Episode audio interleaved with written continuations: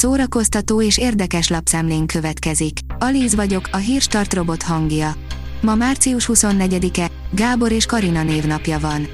A Mafab írja, a Netflix új sorozata mindent megváltoztatott Steven Spielberg szerint. Kétség sem férhet hozzá, hogy a mozitörténelem egyik legnagyobb alakja Steven Spielberg, aki karrierje során nem egy alkalommal formálta és terelte új irányba az iparági trendeket. Nélküle a filmipar bizonyosan nem ott tartana ma, ahol tart. Éppen ezért, bár lehet kritizálni bizonyos filmjeit, de a szavára mindig érdemes odafigyelni. A Joy írja Károly Herceg furcsa hóbortjai, és még öt meghökkentő tény a királyi családról, amit soha nem gondoltál volna. Ha eddig azt hitted, hogy mindent tudsz a világ kedvenc családjáról, akkor most tuti, hogy meg fogsz lepődni. A VMN oldalon olvasható, hogy nem lehet nem imádni, nézzétek meg a Licorice Pizza című filmet. Oscar szezonban egymást érik a jobbnál jobb filmek, de ez az, amit mindenképp látnotok kell, legalábbis ha el akartok ringatózni egy csodaszép, ártatlan szerelmi történeten. A könyves magazin írja, Marina Abramovics ismét jelen lesz, hogy támogatást gyűjtsön Ukrajnának.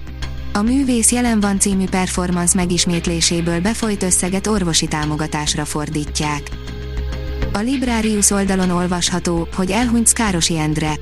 Életének 69. évében elhunyt Szkárosi Endre József Attila díjas költő, intermediális művész, művészeti író, performer, műfordító, tanár. A 24.hu írja, a Farkasok gyermekei második évad kritika. A Farkasok gyermekei második évada határozottan izgalmasabb, mint az első, de még mindig gondok vannak a koncepcióval. A Márka Monitor oldalon olvasható, hogy a világ zenei piaca csak nem 26 milliárd dollár értékű volt tavaly. Olyan előadóknak köszönhetően, mint a BTS, Taylor Swift vagy Adele, a világ zenei bevételei tavaly nőttek a leggyorsabb ütemben több mint 20 év óta, 18,5%-os növekedéssel elérték a 25,9 milliárd dollárt, ami az 1990-es évek óta a legmagasabb szint. Előzetest kapott a végképp eltörölni Schwarzenegger nélküli, mozikat elkerülő folytatása, írja az IGN. A 90-es években Árni csak úgy ontotta magából az akciófilmeket, és bizony volt olyan, amelyik nem szólt különösebben nagyot. Ilyen volt a végképp eltörölni is, ami kb. két és fél évtized után kapott egy folytatást. A magyar hírlapoldalon olvasható, hogy keresztút, áldozathozatal, harmadnapon. 80 perces dokumentumfilm mutatja be Eszterházi János gróf munkásságát, szenvedés történetét és meghurcoltatásának utóéletét. Az RTL.hu oldalon olvasható, hogy nem lép fel Oroszországban az Eurovízió győztes csapat. A Maneskin visszalép az oroszországi koncertjéről.